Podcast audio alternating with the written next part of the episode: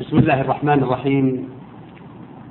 إن الحمد لله نحمده ونستعينه ونعوذ بالله من شرور أنفسنا ومن سيئات أعمالنا. من يهده الله فلا مضل له ومن يضلل فلا هادي له. وأشهد أن لا إله إلا الله وحده لا شريك له وأشهد أن محمدا عبده ورسوله. صلى الله عليه وعلى آله وصحبه وسلم ومن تبعهم بإحسان إلى يوم الدين.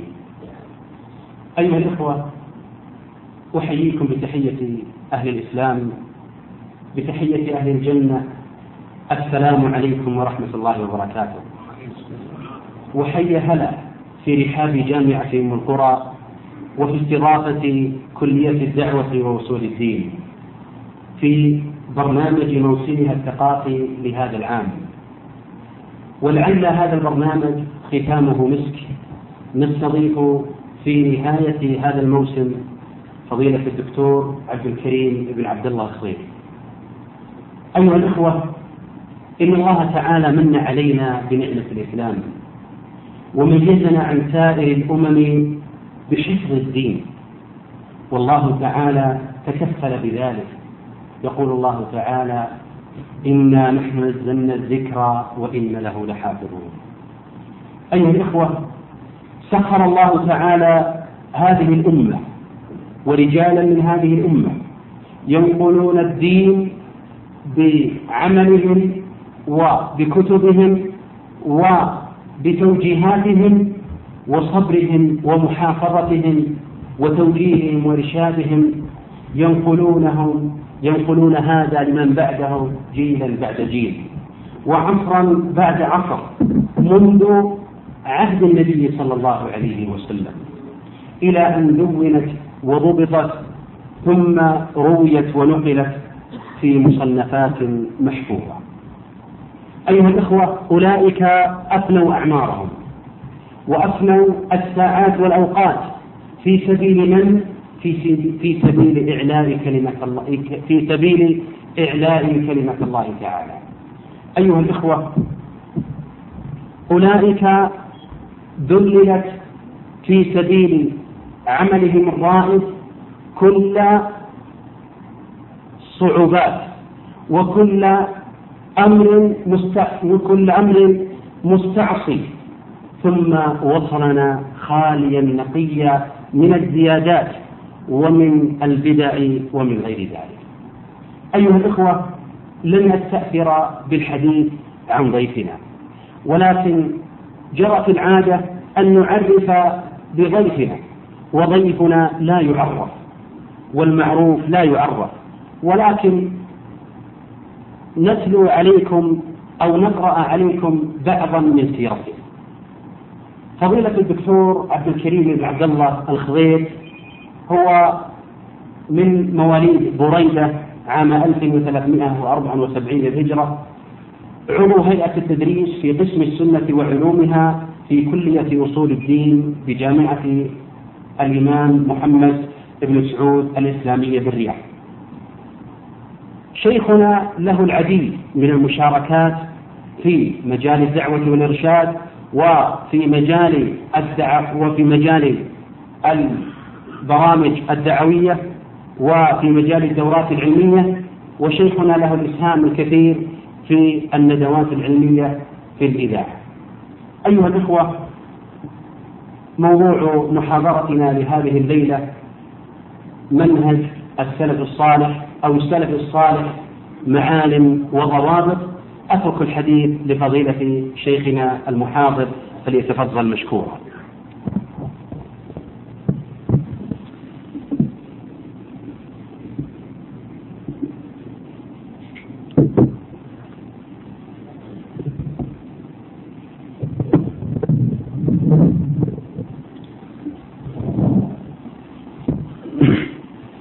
السلام عليكم ورحمة الله وبركاته. الحمد لله رب العالمين وصلى الله وسلم وبارك على عبده ورسوله نبينا محمد وعلى آله وصحبه أجمعين. أما بعد فأتصور أن هناك وهما في العنوان لأن هذا العنوان طرح علي واقترح قبل أشهر من قبل المنظمين لهذه اللقاءات. وقلت إن هذا العنوان يحتاج إلى محاضرات كثيرة لأنه طويل طويل جدا وله فروع منهج السلف الصالح في أي شيء. في العلم والعمل في التعامل مع كتاب الله وسنة نبيه عليه الصلاة والسلام في التعامل مع الأهل وذوي القربى في التعامل مع الجيران في أي باب من أبواب الدين نأخذ منهج السلف الصالح في مدة يسيرة جدا. فاعتذرت باعتبار أنني ممن لا يحسن الإيجاز في مثل هذه الموضوعات. ولا أحسن لم أطراف الموضوع لأن الإيجاز مع الإيفاء فن لا يحسنه كثير من الناس وأنا من هذا النوع. فطريقتي البسط والاستطراد. فقبل الإخوان عذري. ولما حضرت هذه المرة للدورة. وفي نفسي أجد في نفسي من الضيق أنني رددت طلبهم الأول. فاتفق المسؤول عن الأنشطة بالنسبة للمكتب مع المسؤولين عن تنظيم المحاضرات في هذه الجامعة المباركة. واتفقا على أن يكون اللقاء إجابة لبعض الإشكالات عند بعض الطلاب يسمونه باللقاء المفتوح. وهذه طريقة شرعية في التعليم طريقة ناجحة. عمدتها وأصلها مأخوذ من حديث جبريل عليه السلام لما جاء يعلم الناس الدين على طريق السؤال والجواب للنبي عليه الصلاة والسلام. وفي تقديري أن هذه اللقاءات على هذه الطريقة طريقة السؤال والجواب أنفع لكثير من المستمعين من الكلام العام المرسل الذي قد يكون كثير منه مكرر. بينما يوجد عند كل واحد من الأخوان وعند جل الأخوان بعض الإشكالات يريد الإجابة عنها ونتعاون على ذلك. على كل حال لئلا نخلي عنوان المحاضرة ومن نصيب ولو يسير في هذه المدة اليسيرة نذكر بإيجاز إن استطعت. منهج السلف الصالح في كيفية تعلم القرآن ودراسة القرآن ومدارسة القرآن. عن أبي عبد الرحمن السلمي رحمه الله قال حدثنا الذي كانوا الذين كانوا يقرؤوننا القرآن يعني من الصحابة أنهم كانوا لا يتجاوزون العشر آيات حتى يتعلموا ما فيها من العلم والعمل. ثم قال فتعلمنا العلم والعمل جميعا. القرآن الكريم في نزل على النبي عليه الصلاة والسلام منجم. يعني طريقة تلقيه في الصدر الأول يختلف عن طريقة التلقي فيما بعد ذلك. نزل منجما كل ما نزل آية أو آيات بلغها النبي عليه الصلاة والسلام صحابته كتبوها وحفظوها بالتدريج. ومنهم من مات قبل أن يكمل نزول القرآن ومنهم من أخذ على تعلم بعض سور القرآن الزمن الطويل. لأن القرآن دستور أنزل للعمل. فهم كما قال أبو عبد الرحمن يتلقون الآيات العشر فيتعلمونها من جميع النواحي. وحينئذ تعلموا وعملوا. وهذا هو السر في تثبيت العلم العمل. السر في تثبيت العلم بالعمل. ولذا نجد كثيرا من طلاب العلم على مر العصور لا سيما في العصور المتأخرة التي حصل فيها الانفصام بين العلم والعمل تجد الأذهان محشوة بالأحكام وقد تكون مقرونة بالعلل والاستدلال ومع ذلك مثل هذا لا يستحق أن يسمى علما لأن الثمرة من العلم هو العمل.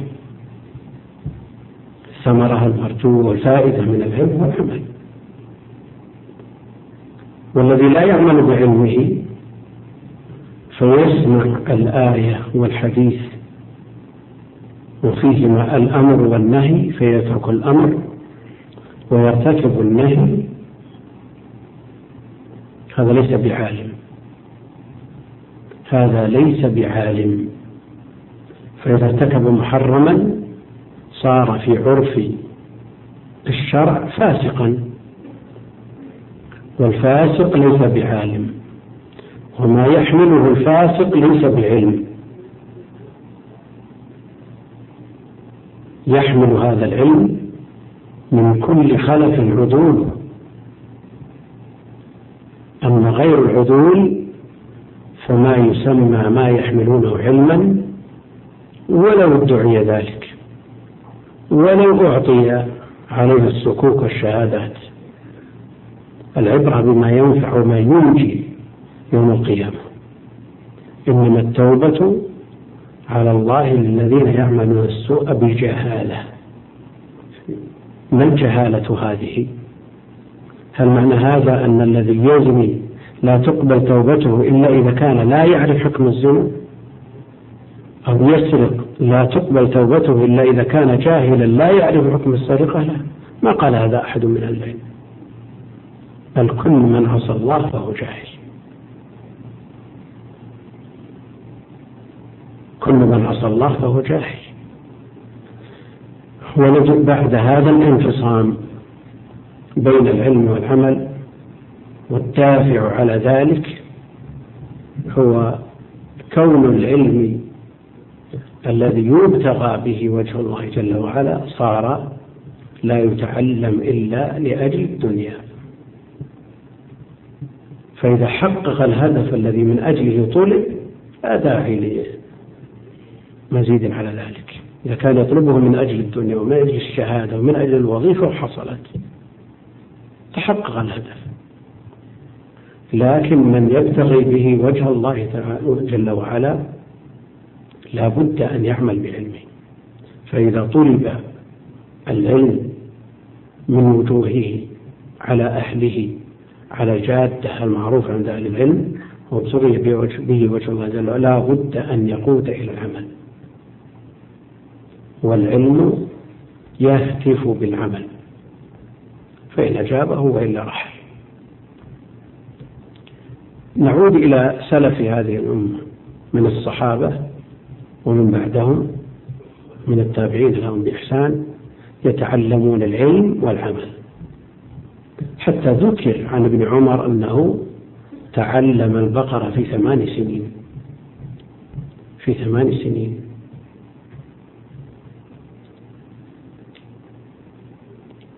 لماذا؟ لأنه لا يستطيع أن يحفظ يستطيع أن يحفظ. بل المظنون به أنه حفظ.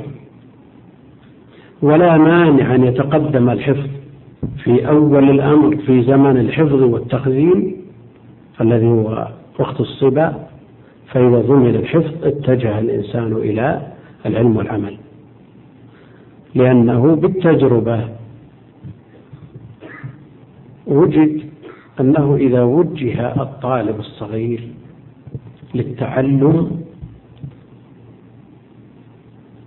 بالتدريج مع العمل فإنه يحتاج إلى وقت طويل لأن استيعابه ضعيف وحفظه قوي. فيقدم الحفظ حينئذ ثم بعد ذلك إذا ناهز الاحتلام وإذا به قد حفظ ما يحتاج إليه من الحفظ حفظ القرآن كاملا وحفظ من السنة ما يحتاجه وحفظ من العلوم الأخرى ما يحتاجه.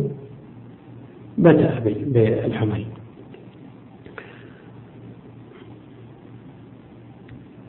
السلف الصالح لهم عناية بكتاب الله جل وعلا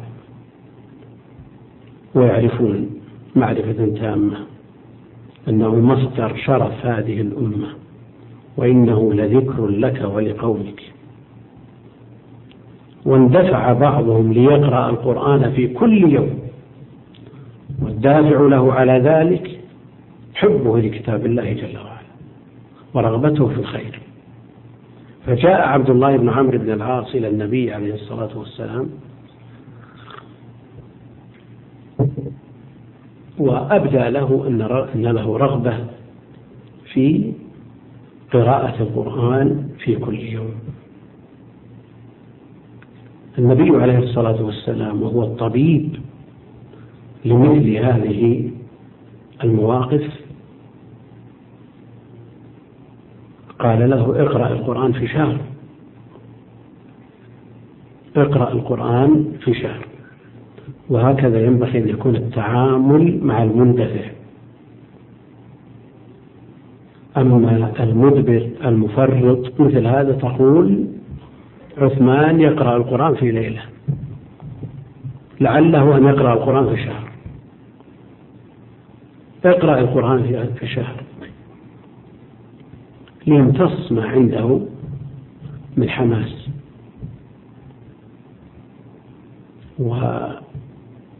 والنصوص جاءت علاج لمشاكل قائمة. وإذا ضربنا مثال مثلا. بنصوص الوعد ونصوص الوعيد. إذا وجدنا مجتمع عنده إفراط وغلو مثل هذا المجتمع يعالج بنصوص الوعد. بالمقابل إذا وجدنا مجتمع فيه تفريط وتضييع وتساهل نعالجهم بنصوص الوعيد. والأصل في الأمة أنها وسط تعالج بهذا وهذا. المقصود أن النبي عليه الصلاة والسلام قال لعبد الله بن عمرو اقرأ القرآن في شهر قال إنه يستطيع أكثر من ذلك. قال اقرأ في عشرين في عشر إلى أن قال اقرأ القرآن في سبع ولا تزد. اقرأ القرآن في سبع ولا تزد. ومن هذا الحديث أخذ بعض العلماء أن هذا الأمر ملزم.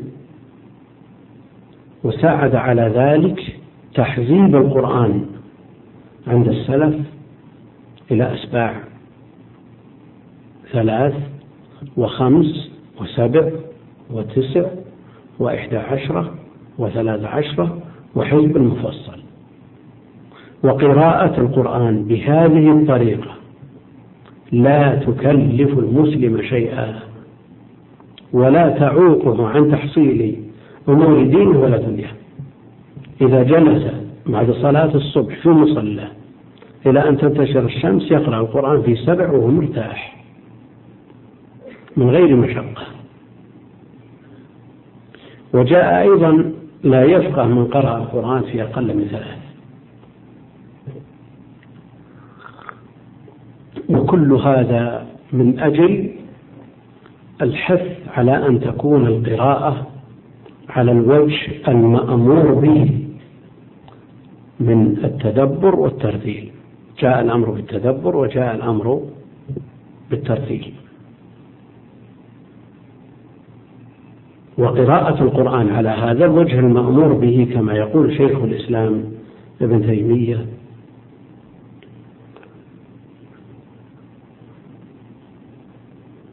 تعطي القلب من العلم والإيمان والطمأنينة. ما لا يجده غيره يعني غير القارئ على هذه الطريقة. فتدبر القرآن. إن رمت الهدى العلم تحت تدبر القرآن. أثر عن بعض السلف حتى من الصحابة أنهم كانوا يقرأون القرآن في يوم. فهل هذا في فهل في هذا مخالفة لحديث اقرأ القرآن في سبع ولا تزد الحديث لا يفقه من قرأ القرآن في أقل من ثلاث بعض الناس يقول لو أقرأ القرآن في سنة في كل يوم ورقة. ما أفقه القرآن. حاولت وعجزت. فنقول لمثل هذا اقرأ القرآن ولو لم تفقه القرآن في هذه المدة؟ وماذا عن رجل تفرغ من أعمال الدنيا بعد أن تقاعد؟ لزم المصحف. وصار يقرأ بعد صلاة الصبح خمسة والظهر خمسة وبعد صلاة العصر خمسة. صار يقرأ في يومين. هل نقول له امتثالا لمثل هذا الحديث تلغي وقت من الأوقات وهذا هو الحل؟ لا ليس هذا هو الحل. ولذا فهم أهل العلم أن مثل هذه النصوص ليست ملزمة إنما الملزم المقصود منها هو التدبر والترتيب والإفادة من القرآن. وليس في هذا معارضة ليس في عمل السلف معارضة ممن يقرأ القرآن في يوم. لأنه بالإمكان أن يقرأ القرآن ويحقق الهدف في يوم. إذا كان متفرغ نقول له اقرأ سبع القرآن في يوم وأضع بقية وقتك أو ثلث القرآن في يوم وأضع بقية وقتك. ما يتفق ولا يتجه أهل العلم يحملون مثل قوله عليه الصلاة والسلام لا يفقه من قرأ القرآن في أقل من ثلاث على صلاة الليل. وهذا أشار إليه الحافظ بن رجب. وليس في هذا ما يعارض ما جاء عن السلف. المقصود أن للسلف عناية فائقة بالقرآن.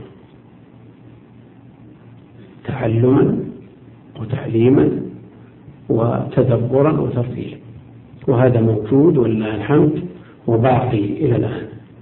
ومن شيوخنا بعد التقاعد تفرغ لقراءة القرآن لأنه ليس له أثناء قيامه بالعمل الوظيفي ارتباط بالطلاب ولا بغيرهم. استمر على هذا ثم عنده إلا القرآن وجاء في رثائه لئن كنت في عصر الوظائف رائعا فقد صرت في عهد التفرغ أروعا أو التقاعد أروعا.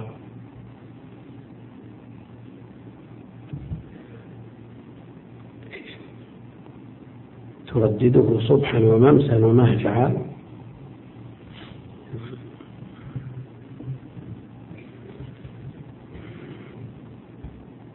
المقصود أنه صار بيدمه القرآن في كل وقت وهذه لا شك أنها علامة خير لأن من قرأ القرآن كأنما يخاطب الرحمن هو الكتاب الذي من قام يقرأه كأنما خاطب الرحمن بالكلم. يؤسف أشد الأسف لأن بعض من ينتسب إلى العلم وطلب العلم قراءتهم من القرآن على التراخي.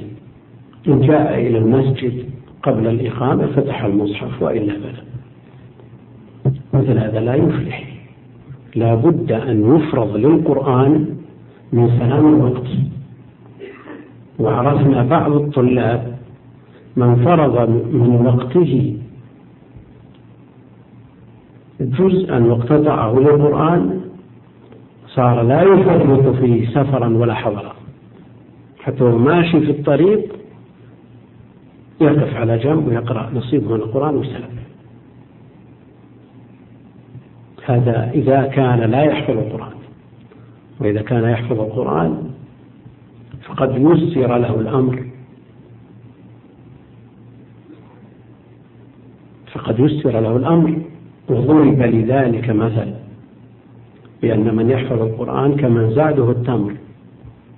والذي لا يحفظ القرآن مثل من زاده البر.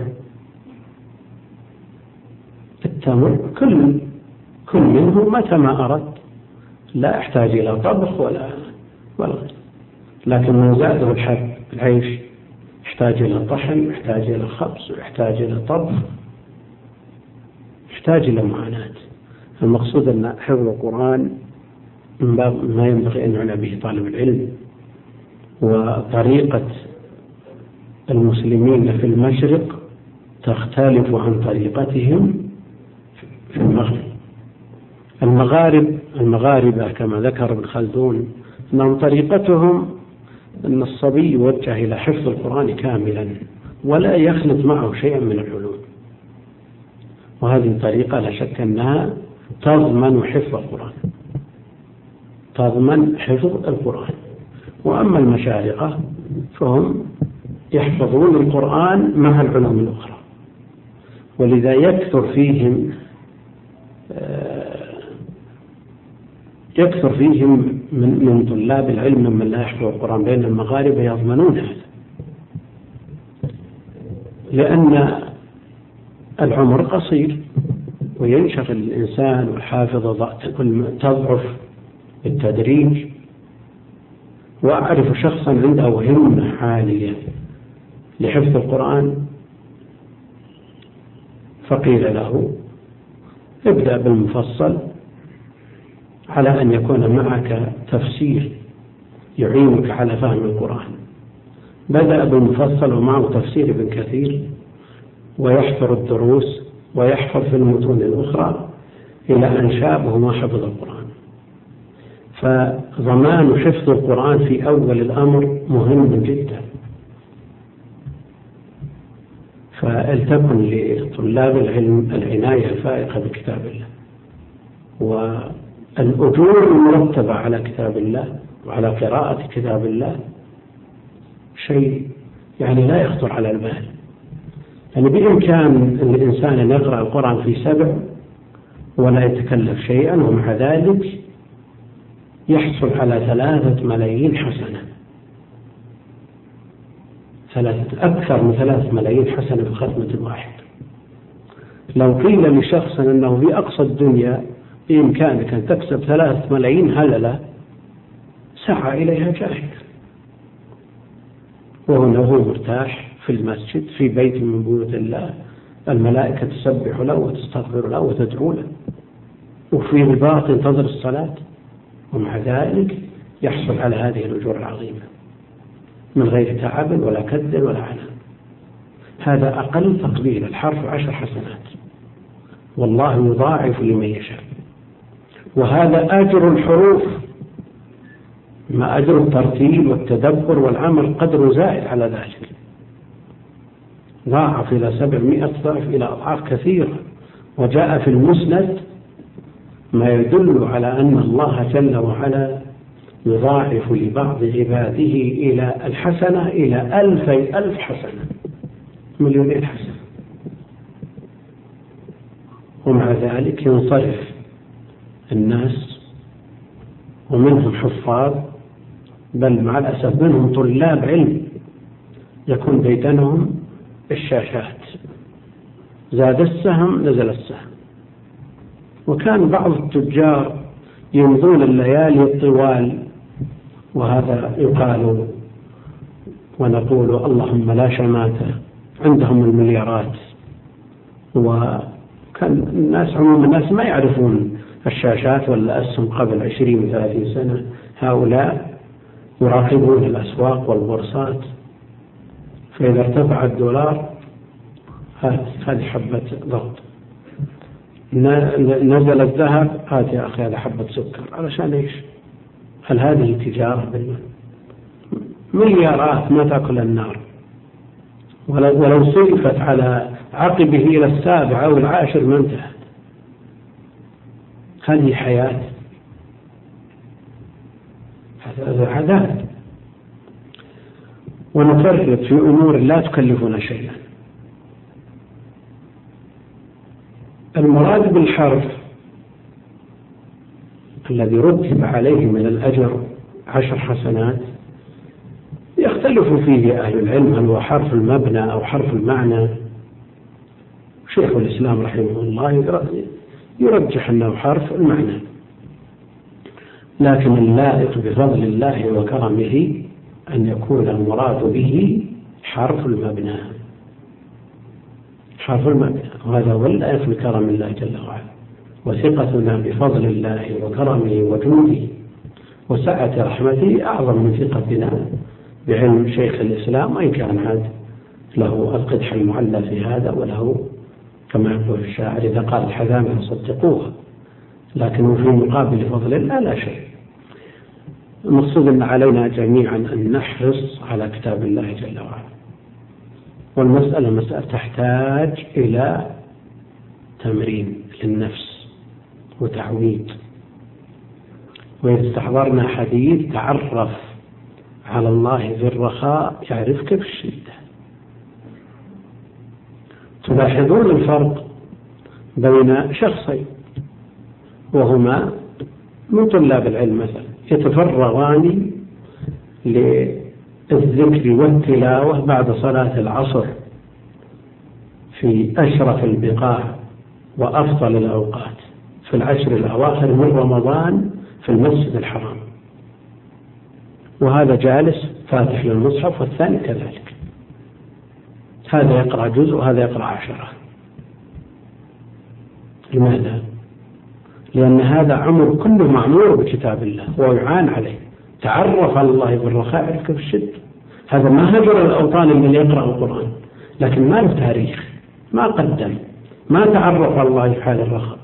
تجده يفتح المصحف دقيقة دقيقتين ثم يلتفت يمنة ويسرى. عله أن يجد أحدا ممن يعرف. ليقضي معه بعض الوقت قيل وقال أما الثاني فهو ينظر إلى الساعة وهي تمر بسرعة. لأنه تعود الإنسان على ما تعود. وقد يحتاج الإنسان إلى بعض الأمور فلا يستطيع أن يفعلها. في الحديث من حج فلم يرفث ولم يفسق رجع من ذنوبه كيوم ولدته كثير من الناس يقول الحج أربعة أيام. نستطيع بالراحة لا نفسق ولا نرفض لكن شوف بقية عمرك وش يصير. كنت حفظت نفسك من القيل والقال لن تفسق ولن ترفض أما إذا كان بيدنك قال فلان وقال علان والغيبة والنميمة وصحف وجرائد وقنوات وما أدري لن تعاني.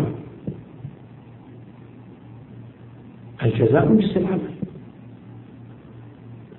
فالمقصود أن مثل هذا الموضوع يطول بسطه ونحتاج إلى مثل ما ذكرنا لبيان منهج السلف الصالح في فروع العلم كله وفي فروع الأعمال كلها من صلاة وصيام وقيام وأمور يعني يحتاجها طلاب العلم إلى لقاءات كثيرة. كل فرع منها يحتاج إلى لقاء وحقيقة أنا أعتذر عن مخالفة عنوان المحاضرة ولعل فيما ذكرته ما ينبه بعض الطلاب وهذا من باب الشفقة. لإخواني الطلاب أما شيوخنا فليسوا بحاجة إلى مثل هذا الكلام. والله المستعان. جزاكم الله خير. حقيقة هذه المحاضرة هي منكم وإليكم. وأنا في يوم المحاضرة استقبلت أسئلة عديدة وكثيرة تدل على حرص تام على التأصيل العلمي وعلى معرفة وفهم منهج السلف الصالح. آه، استعرضت بعض هذه الأسئلة على فضيلة الشيخ وسيقرأها بعد قليل فضيلة الشيخ ويجيب على بعضها. ونرحب بالمداخلات إن كان هناك مداخلات بعد كتابة اسم المداخل ثم الإذن له بعد ذلك. آه، نسأل فضيلة الشيخ لعلنا نكون بهذا أول السؤال. يتساءل كثير من الأسئلة عن من هم السلف الصالح.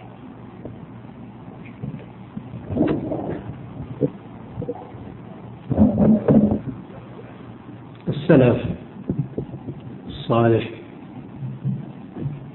في الأصل في أصل المادة مادة سلف يعني سبق وتقدم فهم السالفون المتقدمون ويدخل فيهم دخولا أوليا خير القرون خيركم قرني ثم الذين يلونهم ثم الذين يلونهم والحافظ بن حجر يحدد القرون الثلاثة بعشرين ومئتين من الهجرة سنة عشرين ومئتين من الهجرة.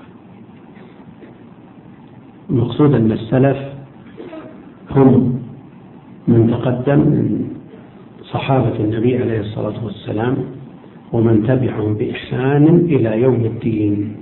ولذا نجد أو نسمع على ألسنة أهل العلم أن فلان من بقية السلف أو بقية من السلف وهو متأخر لكن لما كان في علمه وعمله وسمته وهديه على طريقة السلف الصالح يستحق هذا الاسم. بالوصف لا بالتقدم.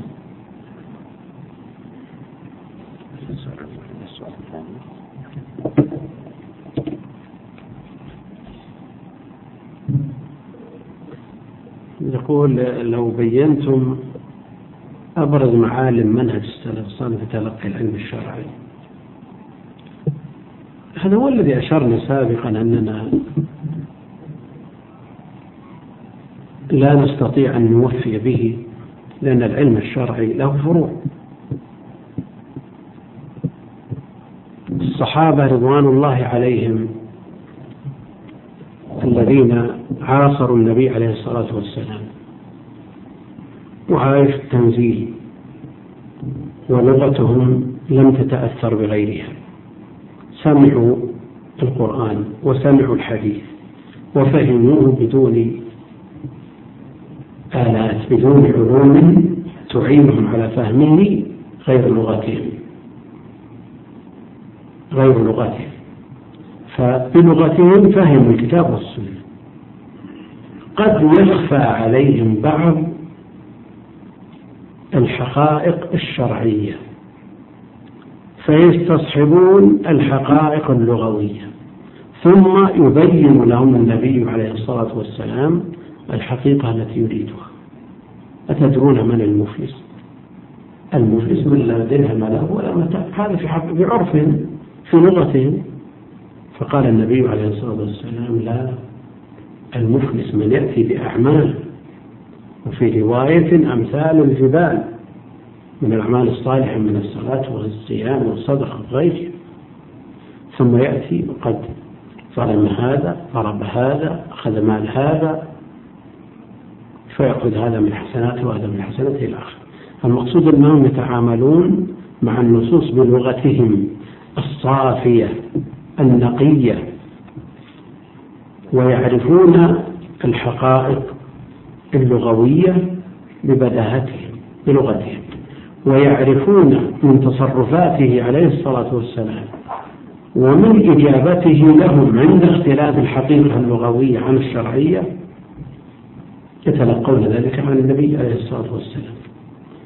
فجروا على هذا وليسوا بحاجة إلى علوم تسمى علوم الآلة لم يدون في عصرهم سوى القرآن في عصر الصحابة. ثم في آخر المئة الأولى جاء تدوين السنة وإن كتبت السنة من قبل الأفراد حصل كتابات وإن والنهي قد جاء عن كتاب السنة لا تكتبوا شيئا غير القرآن. من كتب شيئا غير القرآن فليمحو. خشية أن يختلط بالقرآن وخشية أن يعتمد الناس على الكتاب فيضيع الحفظ.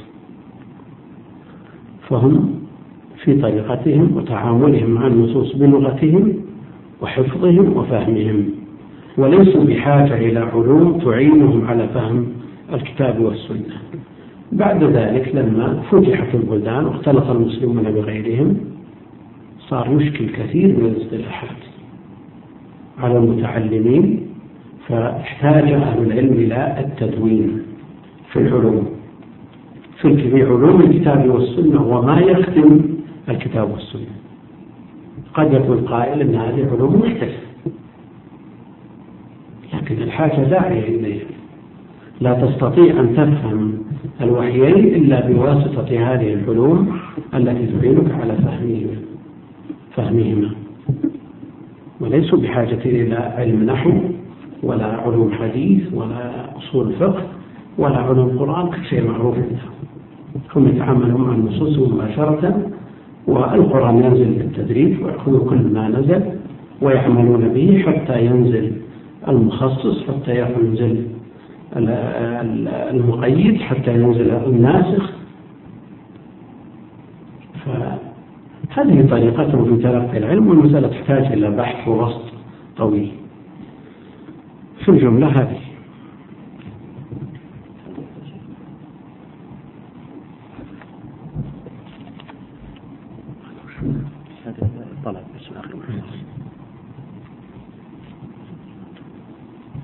يقول أنا طالب في أحد الأقسام العلمية فأود أن أوفق بين دراستي في هذا القسم وبين الدعوة وطلب العلم.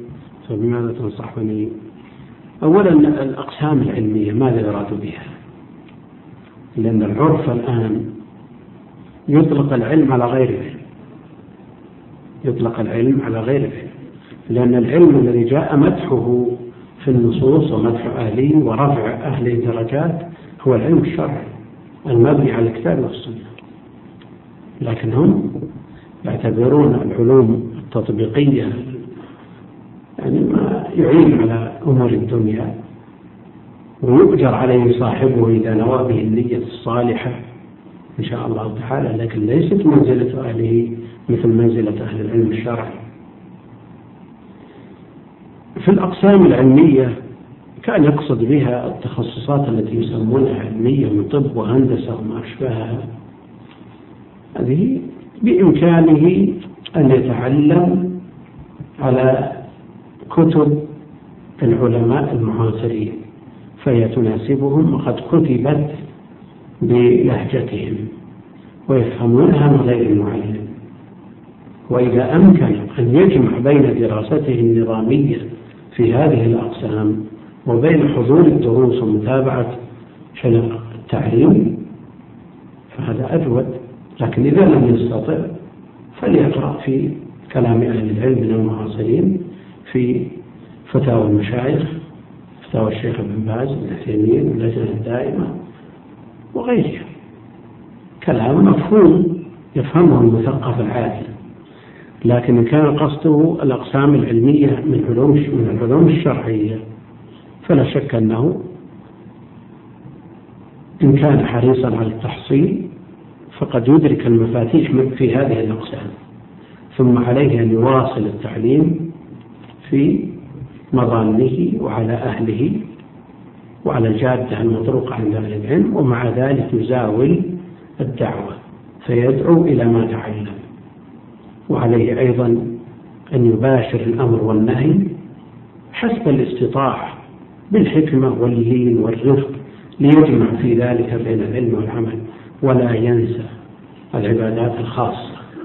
نعم النفع المتعدي مقدم عند أهل العلم لكن النفع الخاص القاصر على النفس هو الذي يعين على النفع المتعدي. فإذا كانت هناك خبيئة بين طالب العلم وبين ربه جل وعلا من صلاة سر أو تلاوة أو انكسار بين يدي الله جل وعلا أو صيام أواجر أو قيام ليالي شافية يعان على أمور دينه ودنياه إن شاء الله تعالى. فعلى الإنسان أن يسدد ويقارب.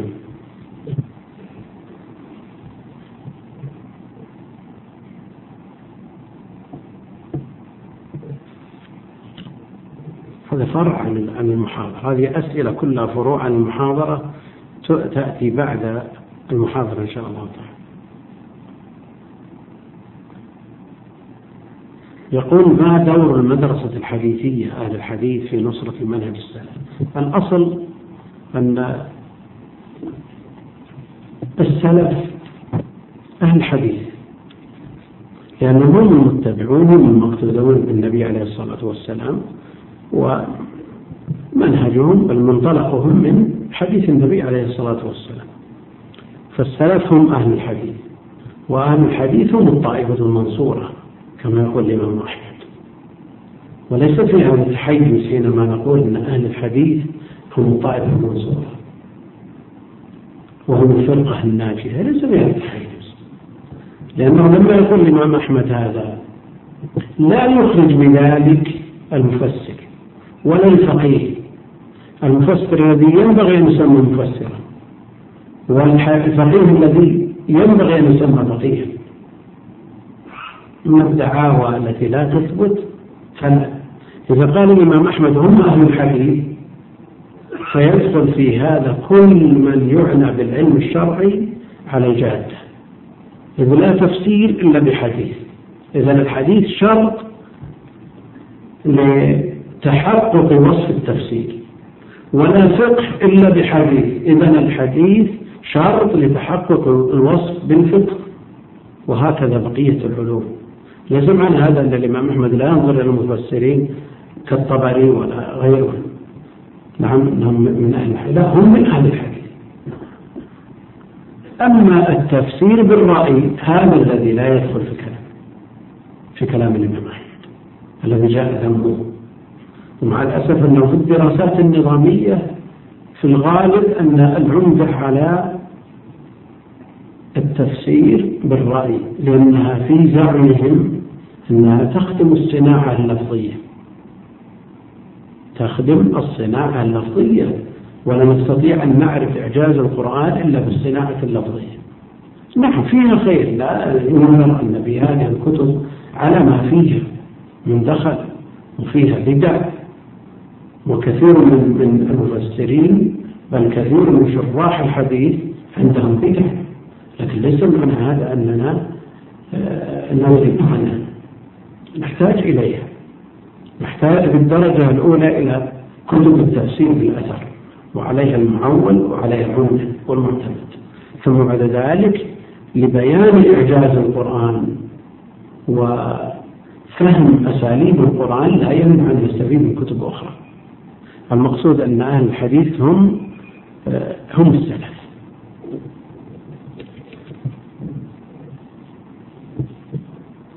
يقول ما رأيكم في من يحجر السلفية في بلد معين أو جماعة معينة؟ على كل حال السلفية آه، وصف. من تحقق فيه هذا الوصف استحق الاسم. فمن كان على مثل ما كان عليه النبي عليه الصلاة والسلام وأصحابه ولم يشب عمله ببدعة فإنه من السلف إن شاء الله تعالى.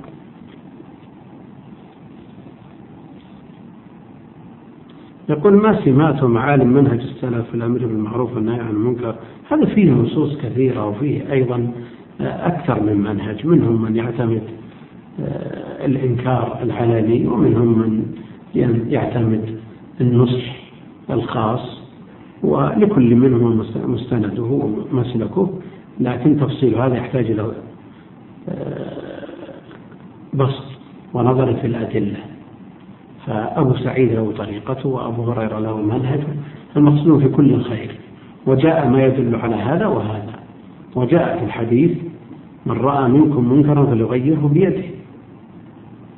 فإن لم يستطع فبلسانه فإن لم يستطع فبقلبه قد تختلف وجهة النظر في آه، المفسدة المرتبة على الإنكار في درجته الأولى أو الثانية. قد تختلف وجهة النظر وبعضهم يرتكب العزيمة وبعضهم قد يلجأ إلى الرخصة وفي كل خير إن شاء الله تعالى. وهذا يحتاج بيان منهج السلف في الأمر بالمعروف يحتاج إلى محاضرة. يقول هل السلفية خاصة بأهل الحديث فقط مقصود أن أهل الحديث. لا نفهم من أهل الحديث أنهم أهل التخصص في الحديث في العرف الخاص الذي نعرفه الآن. يعني معنى قسم السنة أو قسم الحديث هم هم السلف ومن عداهم. قسم التفسير قسم العقيدة لا أبدا. السلف قد يوجد في قسم العقيدة من عنايته بالسنة أكثر من بعض المتخصصين بالسنة. قد يوجد في قسم قسم التفسير كذلك. قد يوجد في قسم السنة من عنايته بالفقه والأصول أكثر من أهله. المقصود أن العلوم مترابطة والقصد والهدف الكتاب والسنة. هذا هو الأصل الأصيل الكتاب والسنة. العلوم الأخرى التي تخدم الكتاب والسنة تعلمها من باب تعلم الوسائل الموصلة إلى الهدف.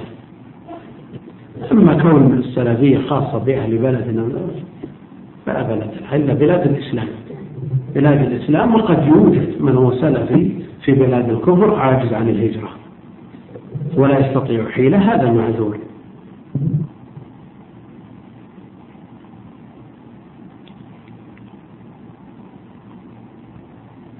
يقول ما هي توجيهكم التعامل مع الفتن المعاصرة على مستوى المجتمع أو العالم.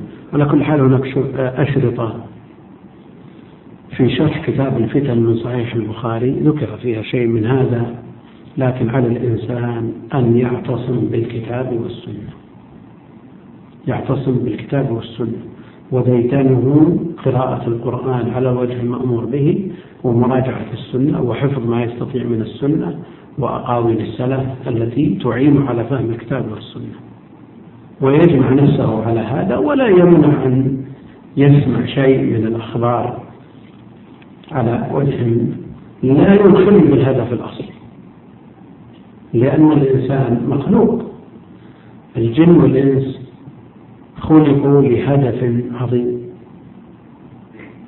وهدف سامي هو تحقيق العبودية لله جل وعلا. فبالله الذي هذا الشخص الذي من الساعة السابعة إلى قريب العصر في عمله الوظيفي وعمله الكتابي. ثم بعد ذلك بعد أن يصلي العصر يعكف على آلات أو يعكف على جرائد ومجلات حتى يأتي وقت النوم. مثل هذا يستطيع أن يتعامل مع الفتن. لا يستطيع أن يتعامل مع الفتن. لأن هذه الفتن مشكلات تحتاج إلى حل. والحل كله يكمن فيما جاء عن الله وعن الرسول. فلا حل في لهذه الفتن إلا من طريق الشرع.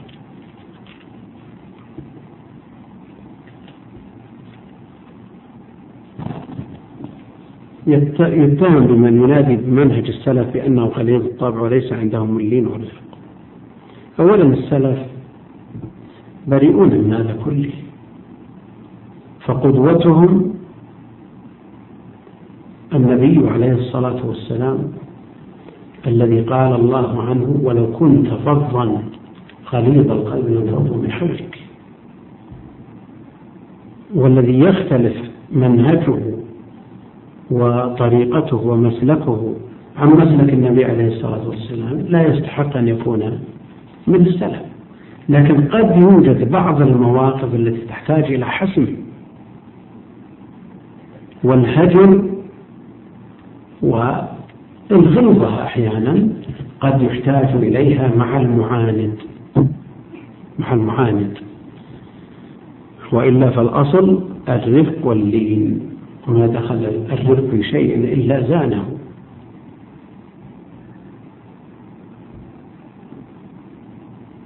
وكذلك اتهمون بأنهم دائما يدعون التوحيد وعندهم التقصير في الدعوة. كل حال التقصير حاصل.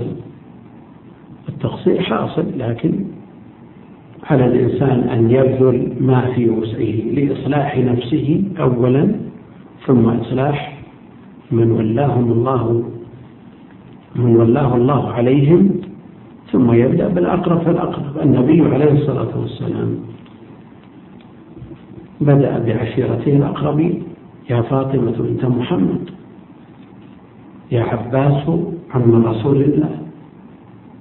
ثم أخذ ينادي القبائل الأقرب فالأقرب. وفي ذلك كله يقول لا أغني عنكم من الله شيئا. فعلى الإنسان أن يبدأ بنفسه.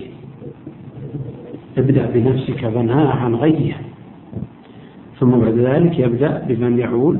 وهم أحوج الناس إلى خيره وبره وفضله وإحسانه.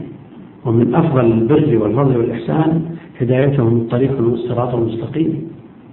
ويوجد من أهل العلم من يستغرق وقته كاملا في العلم والتعليم والدعوة ويقصر في حق من ولاهم الله جل وعلا الله جل وعلا أمانتهم يقول سمعت في بعض محاضراتكم المناجية لطلب العلم كيفية اختصار الكتب المطولة كصحيح البخاري ومسلم ونحوه لكني لم أفهمه فهل تفضلت بشرح كيفية ذلك؟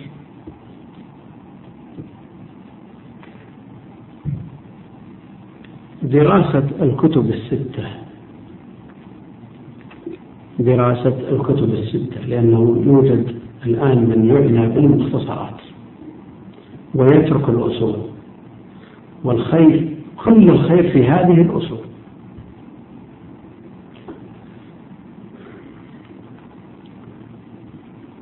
هذه طريقة لفهم السنة وحفظ السنة في آن واحد. ولا أنصح طالب العلم أن يقتصر على المختصرات؟ لأن المختصر همه المتن المرفوع فقط. فإذا حفظه طالب العلم حفظ هذا المختصر ومن المتن المرفوع لكن فاته خير عظيم. يعني لو قارنا مثلا بكتاب الرقاق من صحيح البخاري مع المختصر وجدنا في الرقاق من صحيح البخاري ما يقرب من مئتي حديث. تحت مئة وخمسين ترجمة. وهذه التراجم فقه من أصفى الفقه وأدق الفقه وممثل حقيقة فقه السنة. باستنباط غريب عجيب لا يخطر على بال. ويردف البخاري هذه التراجم بأقوال من أنفس الأقوال من سلف هذه الأمة من الصحابة والتابعين يرجح بها ما يختاره في الترجمة. ثم بعد ذلك يذكر الخبر بإسناده. ثم قد يذكره طريقا آخر وقد يذكر خبرا آخر. ثم الربط بين هذا الحديث وما ترجم به عليه يحتاج إلى نظر دقيق. فالعناية بمثل هذا الكتب الأصلية لا شك أنها ثروة لطالب نعم تحتاج إلى وقت. في تقديري أنها تحتاج إلى خمس سنوات مع التفرغ. لكن هل يستكثر على الكتب الستة خمس سنوات؟ كثير من المعلمين يمضي عمره كل خمسين سنة في مواصلة البحث والقراءة وكذا ما يدرك إلا الشيء اليسير لأنه ما مرتب. الطريقة خلاصتها أن يجعل محور البحث صحيح البخاري. يفتح على صحيح البخاري الحديث الأول. إما ترجم البخاري عن هذا الحديث. ينظر في الترجمة. هل فيه أثر نقله عن الصحابة والتابعين؟ لماذا جاء البخاري بهذا الأثر على هذه الترجمة؟ ثم ينظر في إسناد الحديث وصيغ الأداء وينظر في متن الحديث. وهناك ما يسمى أطراف الحديث يعني المواضع التي خرج البخاري الحديث فيها. لو نظرنا إلى الحديث الأول حديث الأعمال بالنيات وأن البخاري خرجه في سبعة مواضع. وفي كل موضع يوضع له ترجمة هي استنباط من البخاري من هذا الحديث. استنباط الإمام البخاري من هذا الحديث. فإذا هذه الترجمة نظر في وجه الاستدلال على هذا الحكم من هذا الحديث وأحيانا يغرب حتى بعض الشراح يعجز عن بيان المناسبة كثير منهم أعلم عجز عن كيفية الربط وإذا تؤمن بدقة من له معاملة مع الكتاب يعرف مغازي الإمام البخاري وخباياه وأنه قد يترجم بشيء لا يدل الحديث عليه. كيف ترجم البخاري بشيء الحديث لا يدل عليه؟ تجد في بعض طرق هذا الحديث سواء كانت عند البخاري أو عند غيره ما يدل على هذه الترجمة. فهو يحوجك إلى البحث في طرق الحديث. جاء في يقول باب ما جاء في رفع البصر إلى السماء. وقول الله جل وعلا أفلا ينظرون إلى الإبل كيف خلقت؟ يعني قد يقول قائل لماذا ما أتى بالآية التي بعدها؟ اكتفى بهذه الآية. من أجل إيش؟ أما أن تتابع وتقرأ الآية التي بعدها أو تكتفي بالآية التي ذكرها وفيها عمق دقيق كيف؟ يعني أفلا يعقلون المخاطب من؟ من يعقل من بني آدم. والعادة أنه ما يوجد من بني آدم من هو على مستوى الإبل. فيحتاج إلى أن يرفع رأسه لرؤية مكان الخلق العجيب في الإبل في الرأس مثلا. فإذا رفع رأسه إلى الرأس نظر إلى السماء. وقل أشياء غريبة لا تخطر على البال من هذا الإمام العظيم. هل الناس يوصون بالكتب المستغلقة الشديد فهمها من أجل تفتيح الذهن؟ هذا من أعظمها هذا الكتاب. فإذا نظرت إلى الترجمة في الموضع الأول وربطت بينها واتقنت المتن نظرت إلى الموضع الثاني وجدت أن البخاري ترجم عليه ترجمة مغايرة وأردفه بآثار قد لا تجدها في كتاب آخر. وإذا استظرت على المختصرات عدمت هذه كلها. ثم يأتي بالحديث بإسناد آخر. وقد يكون تغييره في الإسناد لا يلحظه إلا دقيق النظر. والإمام البخاري جرت عادته أنه لا يكرر الحديث في موضعين إلا لفائدة. لا يمكن أن يكرر الحديث بسند ومتنه إلا في نحو عشرين موضعا ومع ذلك إذا نظرت إلى الحديث وربطت بينه وبين الترجمة ونظرت في متن في الإسناد الأول والثاني وقارنت بين الإسنادين نظرت الفائدة من إيراد الإسناد الثاني والمتن وقارنت بين هذا المتن وأنه أوفى من الأول. الأول حدث منه جملة أثبتها في الموضع الثاني. تضم هذا إلى هذا ثم تأتي الموضع الثالث والرابع والخامس والسادس والسابع تكون انتهيت من الصحيح. البخاري. من وافق البخاري من أصحاب الكتب الستة؟ نعم. تجد مسلم وافقه. تعود إلى مسلم تجد جمع الروايات كلها في موضع واحد. وحينئذ تقارن بين رواية البخاري ورواية مسلم رجال البخاري رجال مسلم. المتن في البخاري والمتن في مسلم تذكر الزيادات وتجعل هذا في مذكر مستقل. للحديث الأول. ثم تنتقل إلى تضع علامة على صحيح مسلم أن هذا الحديث تمت دراسته مع البخاري. في البخاري الحديث الذي تنتهي منه بأطرافه الموضع الثاني تقول تمت دراسته في الموضع الأول. الثالث تمت دراسته في الأول وحينئذ تشطب على ما انتهيت منه.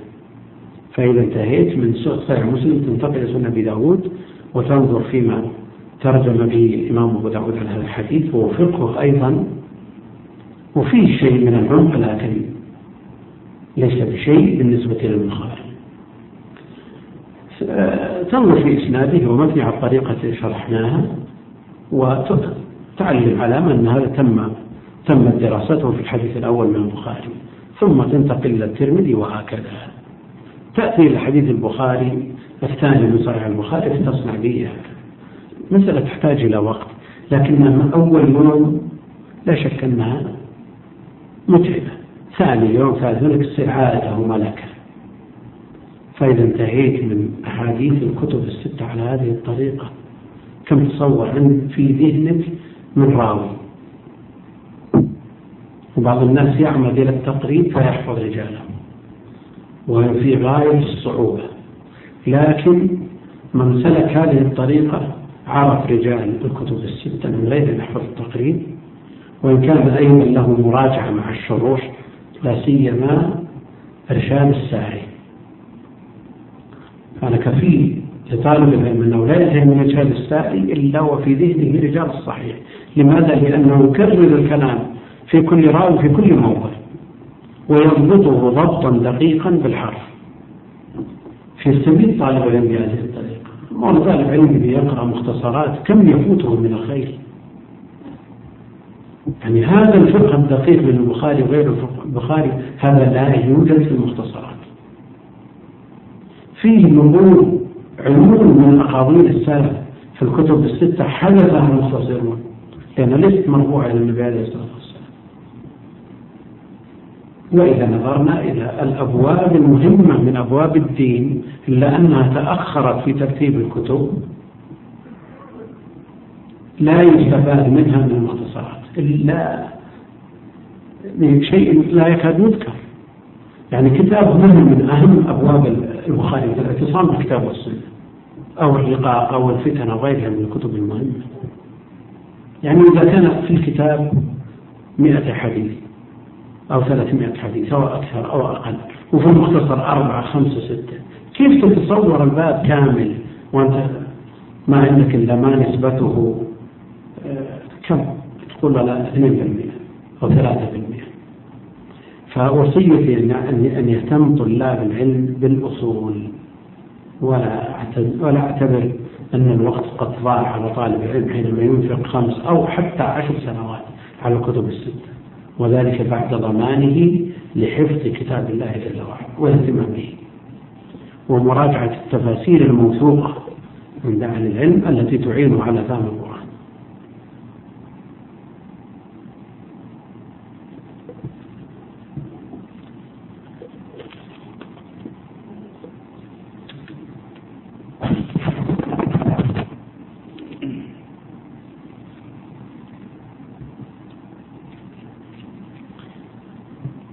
مسألة فرعية صحيح أن عمت بها البلوى كثرت بين المتعلمين. يقول ما حكم حلق اللحى؟ خاصة أن بعض المشايخ يجيزونها مستدلين بفعل الصحابة عندما يحجون ويعتمرون أنهم إذا لم يجدوا شيئا من شعرهم أخذوا من لحاهم. ثم عند بعضهم أفتى وهو المقصود أن مثل هذا المعول على المرفوع. المعول على المرفوع. ولا قول لأحد كائنا من كان مع النبي عليه الصلاة والسلام. ابن عمر رضي الله تعالى عنه ثبت أنه كان يأخذ ما زاد على القبضة. ما زاد على القبضة. ومتى؟ في النسك متأولا قول الله جل وعلا محلقين رؤوسكم ومقصرين أن الواو هذه للجمع. وليست بمعنى أو وليست بمعنى أو. محلل حلق رأسه امتثل بهذا. لكن ماذا يبقى للتفصيل ما يبقى للشيء هذا فهمه رضي الله تعالى عنه وأرضاه. لكن العبرة بما ثبت عن النبي عليه الصلاة والسلام.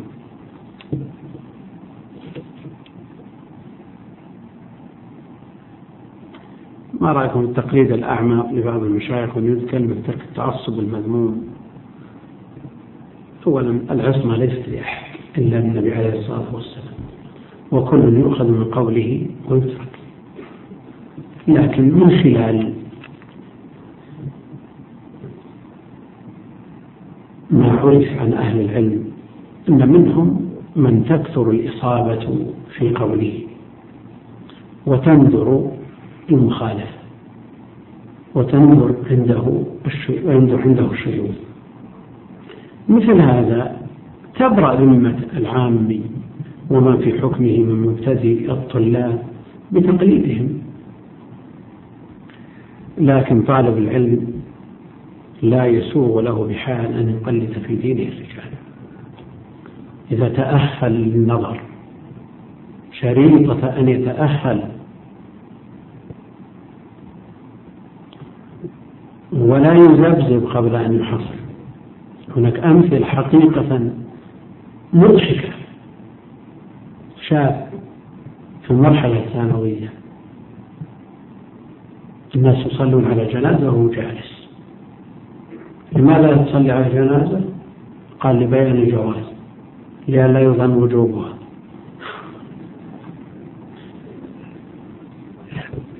لبيان الجواز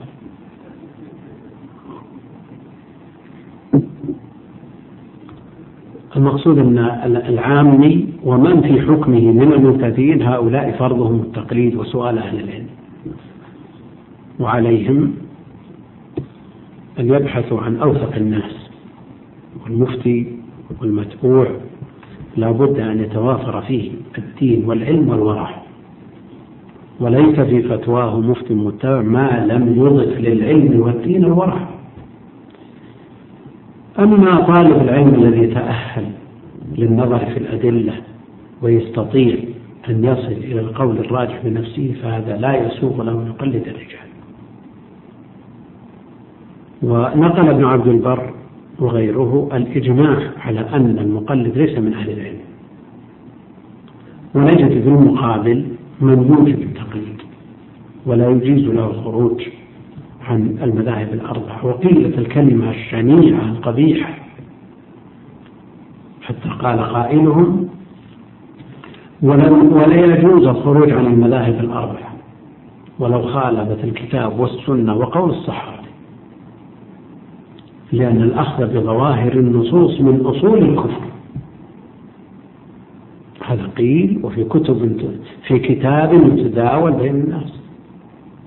ومع الأسف أنه يدعى فيه خدمة القرآن. تفسير فمثل هذا لا شك أنه ضلال. فالذي تأهل للنظر في النصوص والموازنة بين أقوال أهل العلم من خلال أدلتها والخلوص للقول الراجح. هذا هو المتعين في حقه.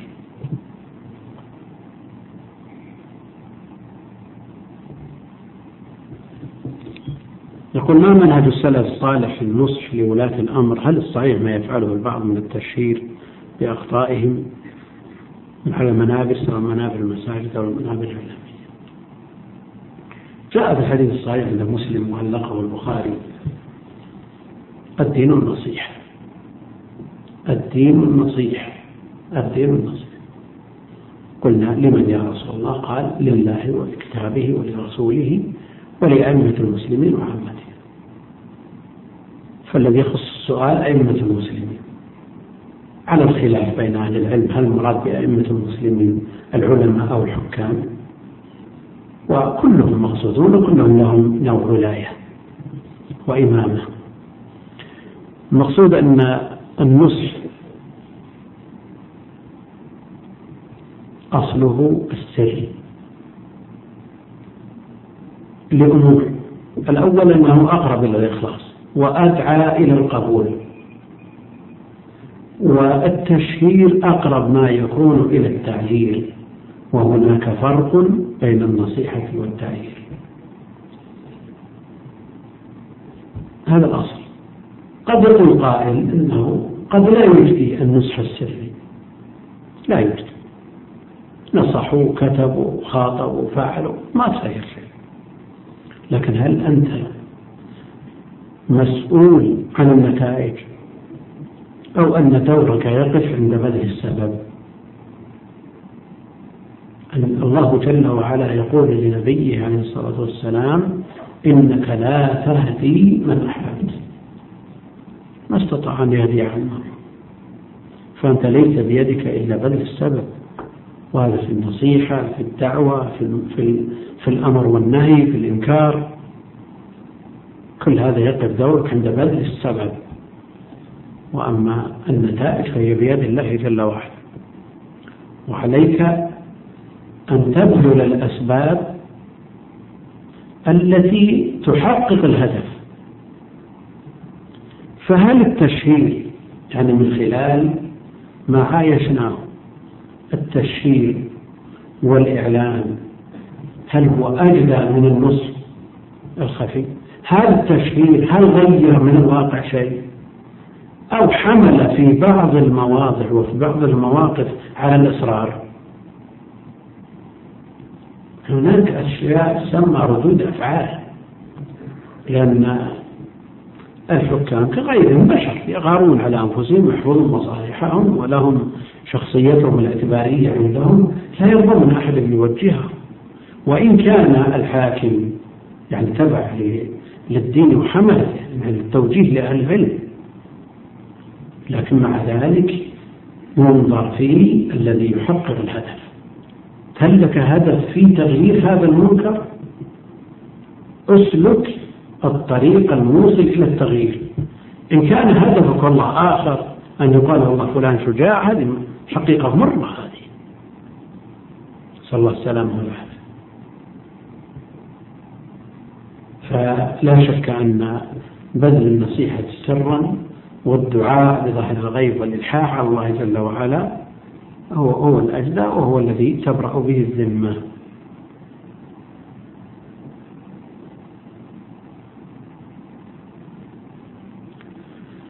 قل كثر في الآونة الأخيرة الاختلاف في الفتاوى وكثر كثر المفتي أو لعل كثر المفتون.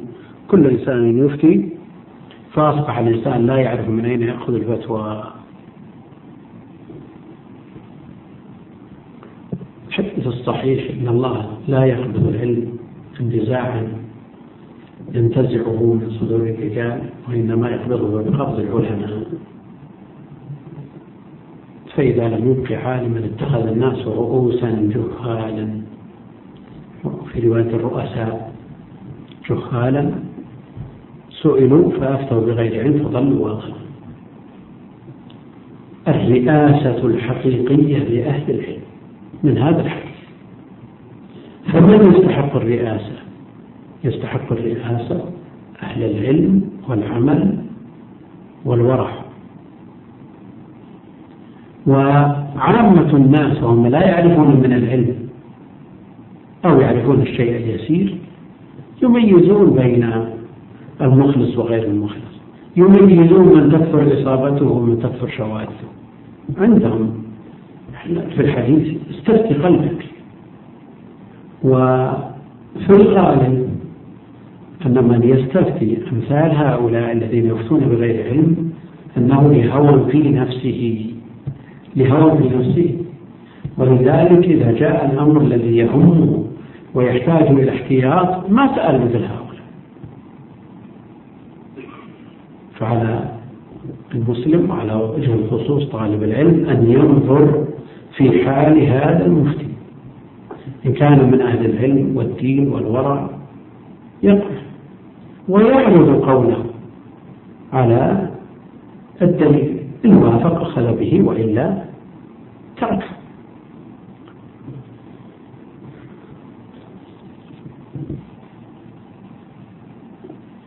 يقول ورد أن بعض السلف يقرؤون القرآن في ثمان مرات أربع في النهار وأربع ليلا ما صحة هذا القول. أما قراءة القرآن في اليوم أو مرة في النهار ومرة في الليل نحتاج إلى ست ساعات. فممكن وإن كانت يعني قراءة مفضولة. قراءة مفضولة. لأن القراءة على الوجه المأمور به أفضل بكثير بمراحل من القراءة ولو كثرت مع السرعة. لأنه الأفضل تكثير الحروف الذي رتب عليه الأجر أو قراءة القرآن بالتدبر والترتيل. الجمهور على أن القراءة على الوجه المأمور به أفضل. المسألة مفترضة في شخص يريد أن يقرأ ساعة. هل يقرأ خمسة أجزاء أو يقرأ جزئين؟ أيهم أفضل؟ يقرأ جزئين أفضل. لكن الشرط المذكور بالتدبر والترفيه. ليس معنى هذا أنه يقرأ جزئين بالطريقة التي يقرأ بها صاحب الخمسة.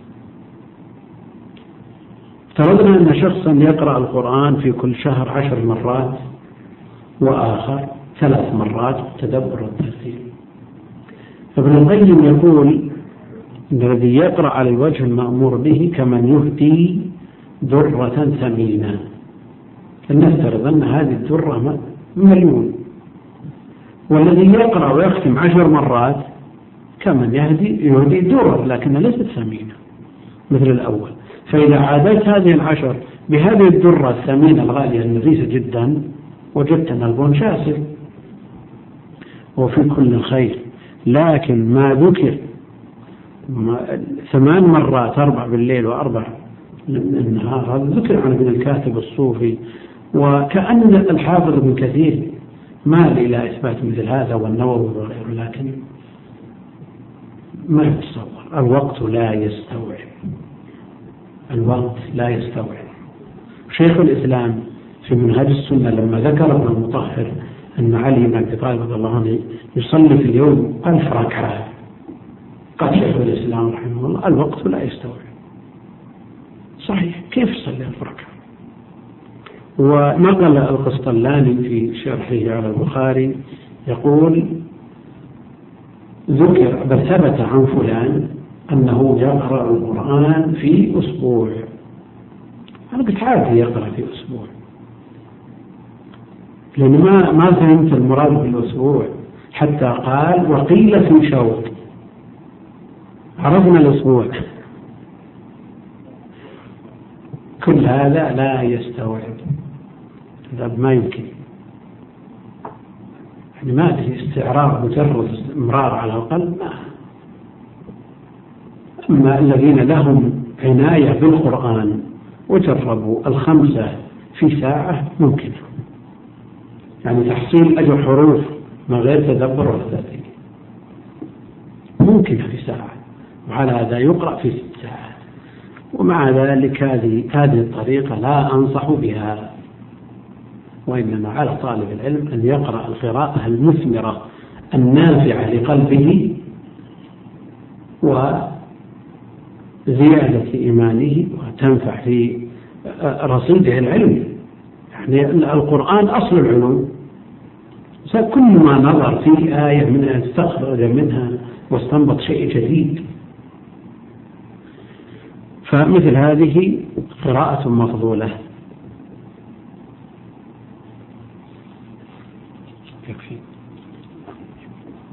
لا باقي عشر ربع ساعة كثير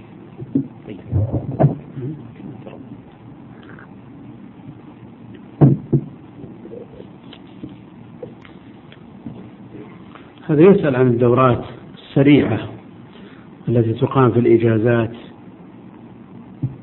بحيث يختم القرآن في شهرين وقد يحفظ البخاري والمراد به المختصر في شهر مثلا أو شهرين.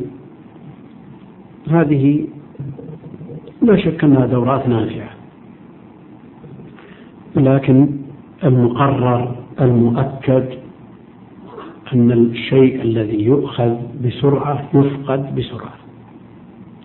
فإذا كان يأخذ يريد أن يأخذ القرآن في شهرين ثم بعد ذلك يكون ديدنه المراجعة ليثبت القرآن في قلبه هذا لا بأس. طيب أن يحفظ القرآن في شهرين. أما إذا حفظ القرآن في شهرين ثم أهمله وضيعه هذا وبال عليه وجاء الوعيد بالنسبة لمن حفظ القرآن ونام عنه وضيعه. وقل مثل هذا في السنة. يحفظ عدد كبير من الأحاديث ثم بعد ذلك إذا سألته بعد سنة واحدة ما تجد عنده شيء لا شك أن مثل هذا لا يجدي. والعلم إنما يؤخذ بالتدريج. والناس يتفاوتون في الحافظة قوة وضعفا فمن تسعفه الحافظة يكثر في زمن التحصيل. والذي لا تسعفه الحافظة لا يرهق نفسه لأن هذا على حساب أمور أخرى فعليه أن يتعلم بالتدريج. وعلى كل حال الدورات لا شك أنها خير. وهي دورات مباركة وفتحت آفاق وآمال. يعني قبل ثلاثين سنة. لو تسأل كم عدد الحفاظ ممن ينتسب إلى طالب العلم ما وجدت عددا يذكر. من القرآن فضلا عن السنة. أما بالنسبة للسنة فمنتهى وغاية المقصود البلوغ. والآن يتطاول بعض الطلاب على حفظ زوائد البيهقي. طيب هذا خير فتح. نسأل الله جل وعلا أن لا يحرم من سن هذه السنة أجرها وأجر من عمل به إلى يوم القيامة. لكن مع ذلك بقدر ما نوصي بالحفظ نوصي بالفهم والتفقه. لا يصير هذا على حساب هذا ولا هذا على حساب ذاك.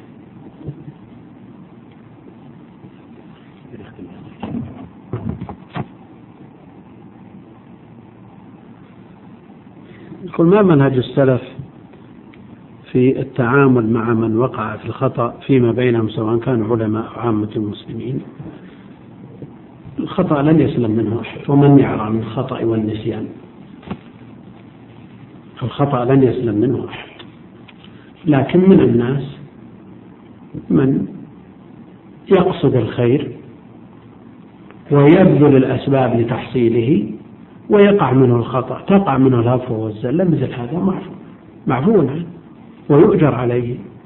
ومنهم من يقصد الخير لكن لا يقصد السبب إلى تحصيله وتكثر الأخطاء عندهم مثل هذا لا يعذر.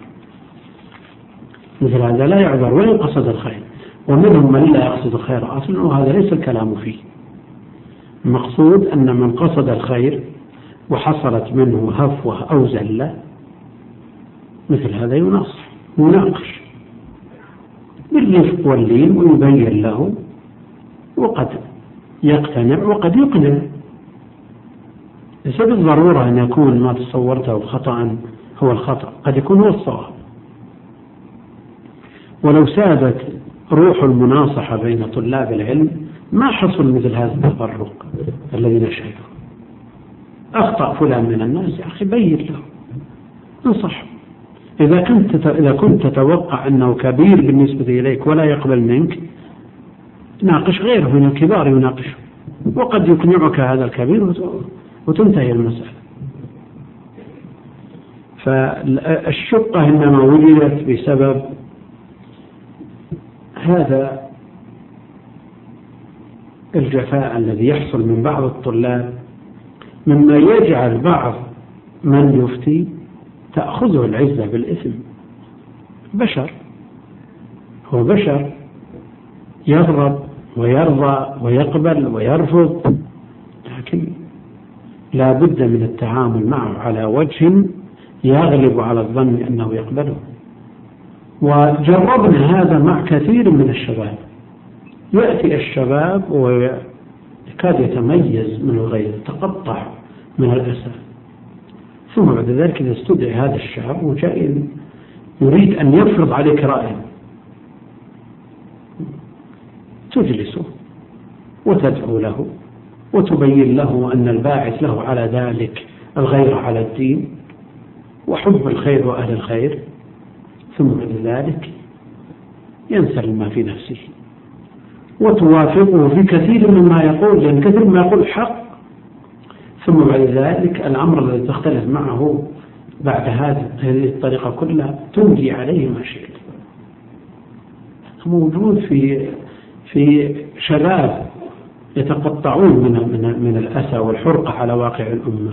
فكيف بالكبار الذين يقبلون الحق ممن جاء به؟ الله أعلم وصلى الله وسلم وبارك على عبده ورسوله نبينا محمد وعلى آله وصحبه أجمعين. لا يسعنا أيها الإخوة في نهاية هذا اللقاء إلا أن نشكر الله العلي الكريم على أن جمعنا في هذا المكان المبارك كما نشكر فضيلة الدكتور عبد الكريم خضير على استجابته وحضوره لهذه المحاضرة ولهذا اللقاء الرائد. كما نتوجه بالشكر الجزيل لكم أنتم أيها الإخوة على حضوركم واستجابتكم ونشكر كلية الدعوة على هذا البرنامج الثقافي الذي كان له أفضل الصدى والنصيب على طلاب العلم. أسأل الله الكريم رب العرش العظيم أن يوفقنا وإياكم لما يحب ويرضى.